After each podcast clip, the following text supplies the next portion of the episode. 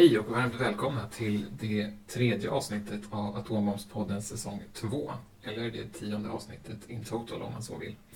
Idag har jag med mig en ny gäst som heter Klara Brune. Som är en aktiv medlem i Svenska Läkare mot Kärnvapen. Välkommen Klara. Tack så jättemycket.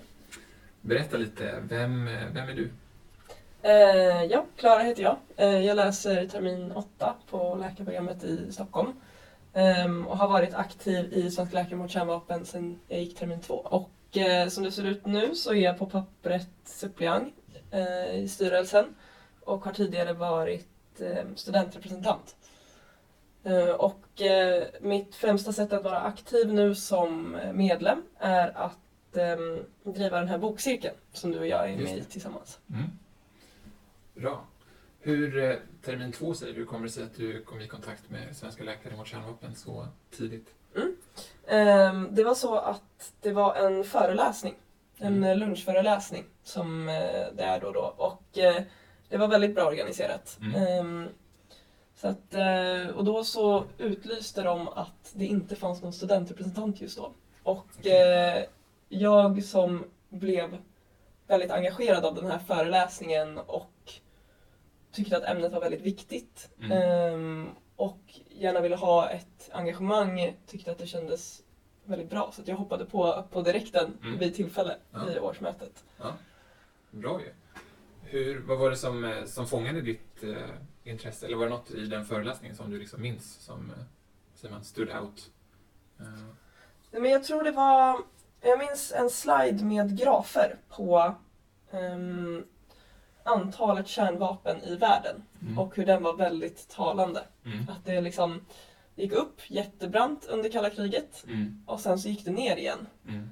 Ehm, och sen så har länderna fortsatt kapprusta efter det. Mm. Och det var ju någonting som man inte alltid får berättat för en. Och det är ju Mm. inte någonting som man pratar om så ofta eller som kanske skildras i media jätteofta. Men det var ett väldigt tydligt exempel för mig på att. Eh, det här inte är bra. Ehm, och gjorde att det kändes väldigt, väldigt viktigt. Ehm, sen så var jag i Hiroshima Mhm. Mm. eh, 2014 eller 15 Mm. ehm, som scout på Mm. ett scoutläger Mm. och eh, fick gå runt i museet där och då minns jag att det var jättespeciellt och Mm. eh, någonting som etsade sig fast. Eh, så jag tror att kombinationen av det var Mm. det som fick mig att vilja engagera mig. Just det. Ja, wow. Hiroshima får vi komma tillbaka till eh, lite senare. Det kommer ni märka varför. Men eh, bra. Och, eh, men berätta lite mer om den här eh, bokcirkeln. Vad, vad är det för någonting och eh, vad, vad, vad kommer den ifrån? Ja, ehm, det är någonting som har växt fram. Det började med ett eh, möte för, jag tror det var ett och ett halvt år sedan, Mm. om medlemsengagemang. Mm. Och eh, vad man kan göra. Och eh, vi har hållit lite föreläsningar och så. Eh, vår före detta ordförande Åsa ska föreläsa imorgon, bland annat för Mm. studenter och så. Mm. Eh, men jag funderade på hur man kan aktivera medlemmar och hur jag själv skulle vilja vara aktiv som Just medlem. Och någonting som känns både motiverande och eh, där man lär sig saker. Ja. Eh, och så tänkte jag att en bokcirkel, det vore ju superkul. Det vill jag Mm. jättegärna göra. Ja, ja. Eh, Så då presenterade jag det och sen så fick jag väl fria tyglar att eh, göra som jag ville med det. Så Mm. att eh, vi la ut lite annonser i tidningen och vi mejlade folk. Mm. Och sen så hoppade det på en i taget. Mm. Och nu så är det lite varierande mängd som brukar dyka upp på mötena. Mm. Men vi är väl fem stycken nu ändå Mm. som brukar delta. Och vi läser böcker och sen så diskuterar vi dem. Mm. Eh, på ett väldigt liksom, trevligt sätt skulle jag säga. Mm. Så det är både mysigt och eh, lärorikt. Mm.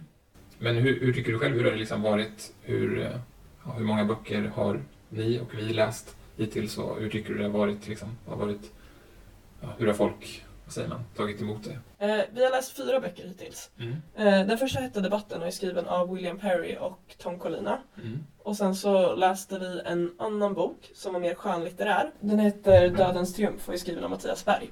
Mm. Eh, och sen de senaste två böckerna som vi har läst är ju de här två som vi tänkte diskutera idag. Precis. De som eh, vet du, jag har hunnit vara med på också. Okej, och just det, du, den första boken som eh, var den första som jag var med på och läste också var ju den här Lise Meitner, eh, en levnadsteckning av en författare som heter Bengt Folkman som vad jag förstår och vad eh, bokomslaget säger är en Lunda-fysiker som skrivit någon slags ja, levnadsteckning då, över hennes liv. Ehm, vilket jag tyckte var väldigt intressant, hennes liv. Ehm, hur, jag var inte med i, i processen när, bok, när ni valde boken, när jag hoppade in liksom, och, och, läste boken. Men hur kommer det sig att ni valde den boken? Eller det var till kopplingen Lise Meitner och eh, Svenska läkare mot kärnvapen är eh, inte helt uppenbar kanske. Det är faktiskt en lite intressant koppling. Dels så de som sitter i bokcirkeln med oss har ju väldigt mycket erfarenhet mm. av engagemang i Svenska läkare mot kärnvapen. Så att mm. Har ju stött på de här böckerna tidigare, även mm. om de inte har läst dem. Mm. Eh, så de kände till att den här boken fanns. Mm. Och sen är det så att den här boken som heter Dödens triumf av Mattias Berg pratar mycket om Lise Meitner. Um, och det var så som eh, vi började komma in på namnet. Um, och då nämnde någon att det finns en bok som heter så, som handlar, om henne. Så då valde vi ut den. Fattar. Och vad, vad tyckte du om boken? Jag tyckte den var jättebra. Ja. De böckerna vi har läst har ju varit väldigt varierande. Den första var mer eh, om internationella relationer och eh, ekonomi och politik. Ja. Eh, och den andra var liksom totalt skönlitterär. Ja. Um, och det här var kanske lite mer min typ av bok. Mm, mm. Um, det var en historisk skildring av en kvinna med naturvetenskapliga inslag som var väldigt spännande. Mm. Uh, så jag tyckte det var en väldigt fin sammansättning. Mm. Mm. Ja, verkligen. Den målade hennes liv väldigt bra. Mycket upplevde jag låg fokus på liksom det naturvetenskapliga och, och de bitarna. Man får ändå verkligen en känsla för hennes, liksom, hur hon var som person också. Eller jag tänker att det lyser väldigt mycket igenom ja, hennes liv och, och hur det gestaltade sig. Och eh, ja, men mycket kring hennes samtid också, tänkte jag om, om liksom, ja, tiden mellan första och andra världskriget och sen under liksom andra världskriget och hur hon ja, tvingas fly ett allt mer fientligt eh, Tyskland och, och, hamnar i, i Sverige till slut. Det är en väldigt eh, spännande resa man får följa med på i hennes liv, eh, tyckte jag. Jag håller verkligen med. Vad, vad fick du för, hade, hade du någon bild av eh, Lise Meitner sen innan? Eller vad fick du för, liksom, hur skulle du beskriva henne som person utifrån det som boken beskriver? Eh, jag visste inte vem det var innan. Mm. Och eh, det är ändå lite talande, inte för att jag kan jättemycket om kärnfysik eller hur mm. det utvecklats, men man har ändå hört en del namn mm. mm. och eh, efternamn framförallt. Mm. Jag hade inte stött på hennes. Um, det är också det här intressanta med att liksom, hon som kvinna som jobbade i en men dels mansdominerad värld och en väldigt mansdominerad bransch mm. med forskning. Mm. Och eh, min bild av henne utifrån att ha läst boken, det finns ju några brev som man kan läsa där. Mm. Um, och resten är ju någon annans skildring av henne. Mm. Och det man vet om henne då blir ju hennes bedrifter. Mm. Utifrån dem så verkar hon ju vara en, ha varit en otroligt ambitiös och intelligent och driven människa. Um, och lojal skulle jag säga, lojal till liksom vetenskapen. Jag tycker utifrån liksom de brev och som jag tolkade hennes situation i förhållande till hennes tillvaro och bakgrund med familj och sådär så um, men upplevde jag att hon liksom var en uh, kämpe också. Mm, hon tog mm. sig igenom mycket, hon klarade av mycket och hon gjorde det bra. Mm. Uh, och hon hade nog inte världens enklaste liv. Um, så det är nog min bild av henne. Mm. Väldigt inspirerande. Ja. Känns som att hon på många sätt var liksom före sin tid. Både liksom, eller var verkligen pionjär inom sitt vetenskapliga fält men också som liksom kvinnlig vetenskapskvinna, mm. vetenskapsperson eh, i en värld som knappt hade skådat det innan. Liksom.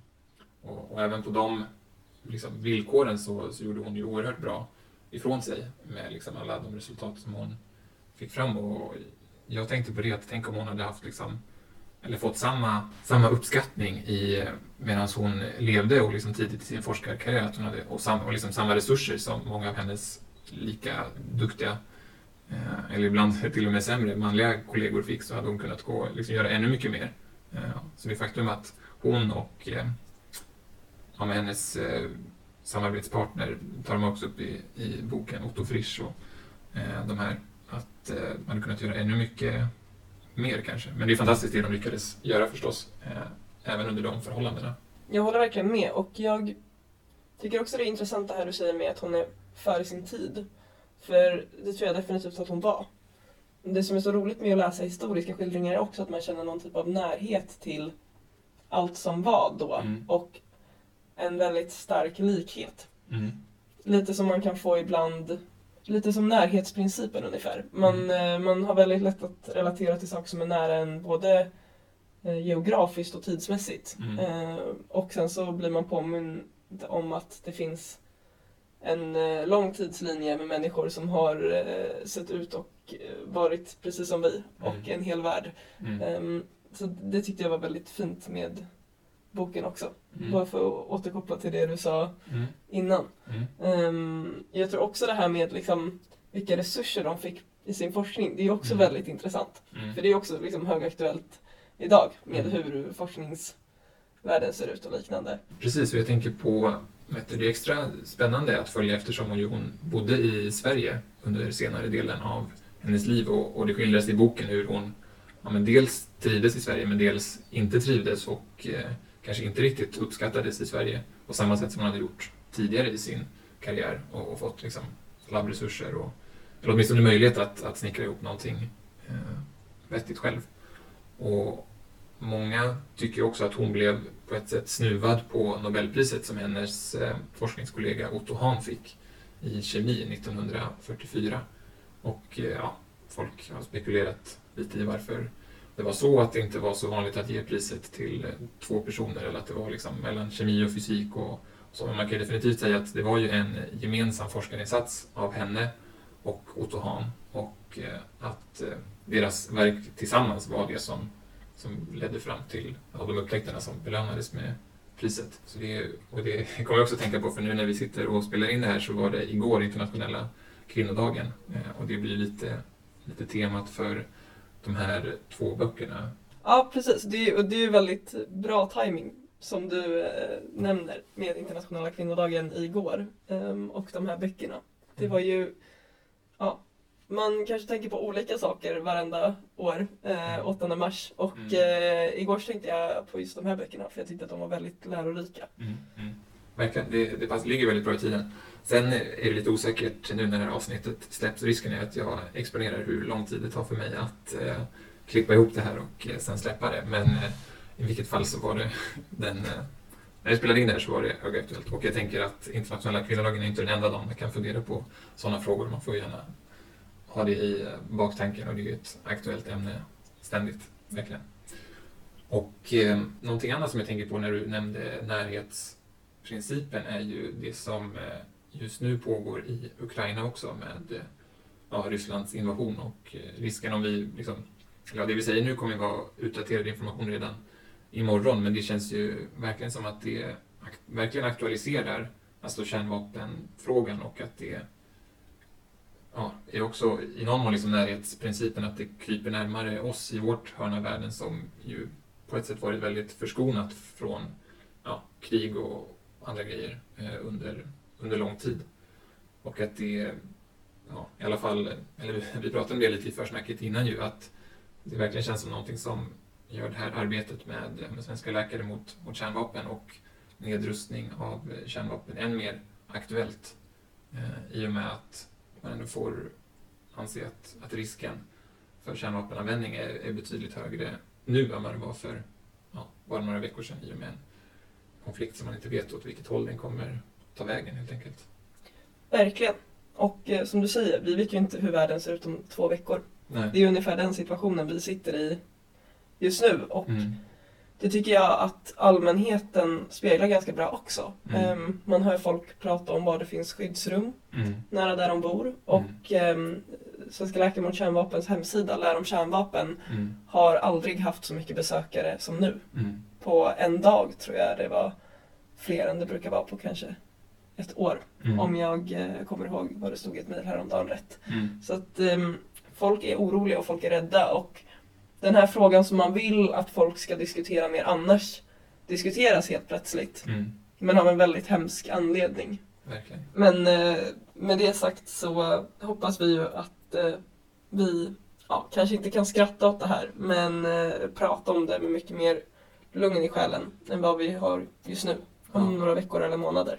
Verkligen. Jag hoppas att eh, när du lyssnar på det här så har det gått åt rätt håll. Eh, men det är, ja, det är svårt för oss att säga nu liksom, om det kommer bli värre innan det blir bättre eller ja, åt vilket håll det barkar. Men eh, det som kvarstår är ju verkligen att det som händer är ju väldigt hemskt och att eh, det finns mycket jobb att göra för att på både kort sikt och, och lång sikt förhindra att det blir än värre. Och där i så tycker vi att eh, det är ett viktigt arbete som Svenska Läkare mot eh, Kärnvapen gör. Eller vi blir lite att klappa oss själva på huvudet, men, men det, det aktualiseras ju, ju verkligen och eh, och alla andra organisationer. Det är någonting som vi antagligen kommer få återkomma till i eh, kommande avsnitt framöver också i någon utsträckning.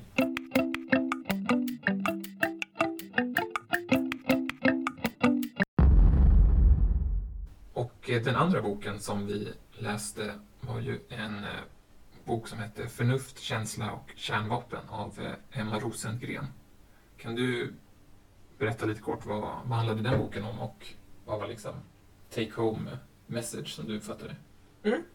Um, svårsammanfattat eftersom att boken kommer från en avhandling från början. Mm. Det är Emmas avhandling som hon då har skrivit om till en bok ehm, på ungefär 70 sidor. Mm. Och ehm, den skildrar kärnvapennedrustning ehm, under 50 och 60-talet ur ett feministiskt perspektiv. Mm.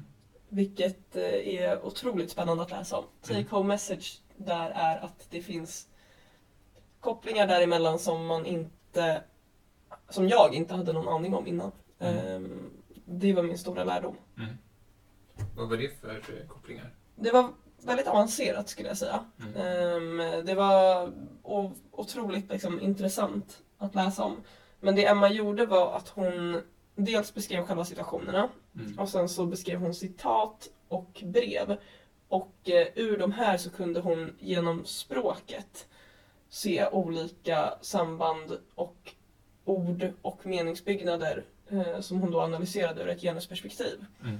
Eh, där hon eh, kopplade det till liksom, forskning om både internationella relationer och genus och Mm. eh, kodning av vad som är manligt och kvinnligt. Mm. Och på så sätt så kunde hon analysera kärnvapennedrustning och innehav och nationalitet och koda det Mm. utifrån kön. Mm. Vilket för mig var som att koka soppa på en spik typ. Mm. Det var Mm. verkligen helt otroligt att man kan analysera på det sättet. För Mm. mig som inte har hållit på med det på något sätt. Mm. Mm. Så det var väldigt häftigt. Mm. Och, och vad, vad, vad, liksom, vad är det som hon identifierar, eller vad är det som hon hittar i liksom språket i den eh, debatten? Eller, vad, liksom, vad handlade debatten om? Precis. I den Ehm, epoken? Så att eh, Sverige hade ju, det var ju diskussioner ett tag om att Sverige skulle skaffa egna kärnvapen. Mm. Eh, och det är också en del av den här boken. Så det är inte bara nedrustning, också diskussionen om en eventuell upprustning. Mm. Och ehm, det som Emma kommer fram till då är att nedrustning och att värna om framtida generationers säkerhet och mänsklighetens bästa är något kvinnligt och därmed någonting som kunde nedvärderas och förkastas Mm. av den anledningen. Mm. Eh, medan att värna om rikets säkerhet och att visa sig stark och ta initiativ kunde kodas som manligt. Och därmed kunde svensk kapprustning ses som något manligt och därmed som något positivt. Mm. Jag vill minnas också att de pratade om att det var som någon slags beskyddarideal som kom in i det här också. Typ att liksom, vi som svenskar och svenska armén hade någon slags bild av att vi måste skydda moder Svea typ och det måste vi göra genom att våra mannar ska ha lika bra, ska minsann ha lika bra vapen som de andra ungefär. Att det såg som en, liksom, en, eh, en självklarhet inom, i alla fall från vissa håll eh, inom militären att eh, det liksom, om några andra har bra vapen då ska ju självklart vi ha det också lite oavsett vad det är för vapen och, och vad det skulle få för konsekvenser. Exakt. Och det som är så intressant tycker jag med Emmas bok är att hon säger att allt det här är byggt på känslor och att alla argument är känsloargument.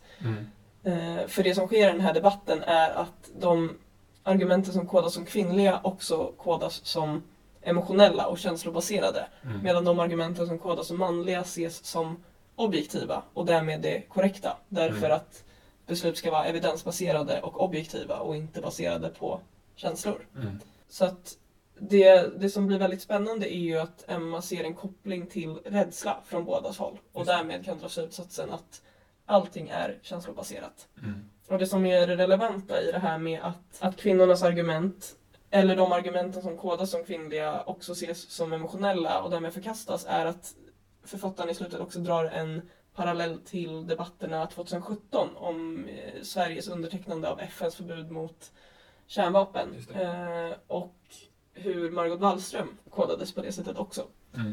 Eh, så det är ju väldigt liksom, intressant och upplysande och eh, kopplingen till samtiden Mm. blir också väldigt viktig.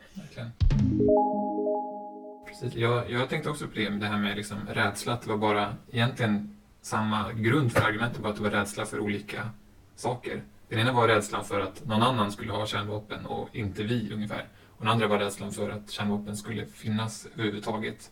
Så drog man olika slutsatser vad Sverige skulle göra utifrån det. Anmärkningsvärt och, och väldigt bra att det var ju faktiskt den nedrustande, eller snarare att man inte ville skaffa kärnvapen, att det var den sidan som i slutändan vann ju eftersom Sverige inte har några kärnvapen. Precis, och eh, det var ju också väldigt intressant och någonting som vi diskuterade i bokcirkeln. Varför det blev så och vad Mm. det var som gjorde att det vände över dit.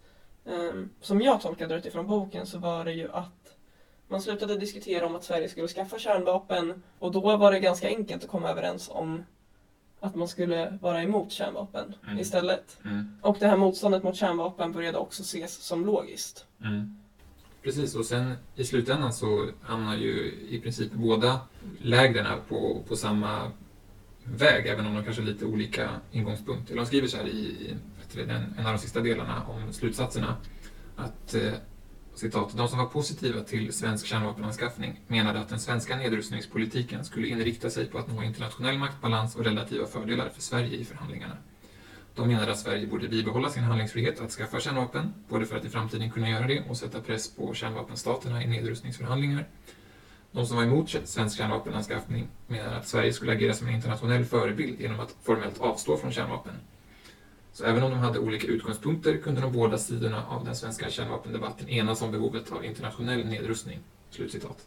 Och det känns som att det är den linjen som fortfarande vi har i Sverige, mer eller mindre. Precis, och det där är ju en diskussion för sig. Det kanske är värt att göra ett helt eget poddavsnitt om Mm. nästan. Sveriges eh, roll i kärnvapen, alltså den internationella kärnvapenfrågan Mm. och eh, nedrustning. Mm. I och med att vi fortfarande inte har skrivit på TPNW. Just det. Men att vi samtidigt har en, en självbild, eh, eller lever på liksom historiska insatser där vi försökt verka som en, liksom, en faktor för nedrustning på ett internationellt plan.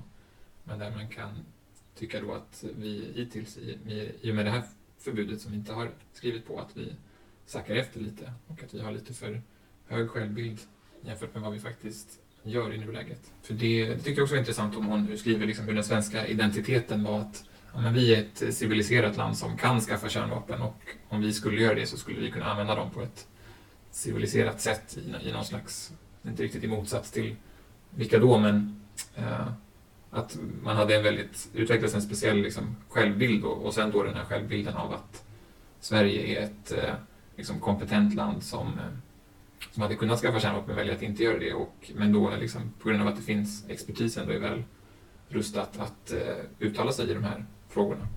Och jag tänker i någon mån är väl det, ligger det väl någonting i det säkert men eh, det känns som att i nuläget så har ju Sverige varit eh, långsamma med att skriva på det här förbudet och eh, har ju då helt enkelt tappat lite i, i fart eh, och i action att faktiskt göra någonting som, som man kan göra. Men eh, sen inte sista ordet om det sagt. Det är, förhoppningsvis är vi på väg mot att det blir ändring på det. Men eh, det verkar ju ta sin lilla tid i vilket fall. Mm.